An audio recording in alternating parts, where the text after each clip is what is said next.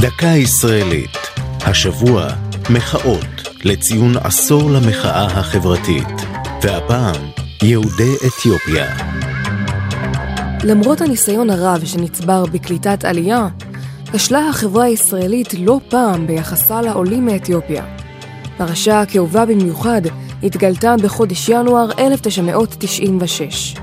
העיתונאי דאז רונאל פישר חשף בעיתון מעריב שמגן דוד אדום השמיד מנות דם שתרמו בני הקהילה האתיופית. בנק הדם טען בתגובה כי הסיבה היא חשש ממחלות הנפוצות באפריקה, בהן איידס, אולם ההשמדה נעשתה בחשאי, והתורמים אף קיבלו תעודת תורם דם. כמה ימים לאחר הפרסום יצאו לרחובות עשרות אלפי בני הקהילה ומחו על הדבר. מול משרד ראש הממשלה בירושלים זעקו המפגינים, דמנו כדמכם. המחאה גלשה לאלימות ורבים נפצעו, שוטרים ואזרחים. ועדת חקירה שהוקמה קבעה כי מגן דוד אדום שגה כשלא הודיע לתורמים על השמדת מנות הדם. רק כעבור 20 שנה שונתה ההוראה בנוגע לקבלת תרומות דם של יוצאי אפריקה, הודות ללחץ כבד של ראשי הקהילה.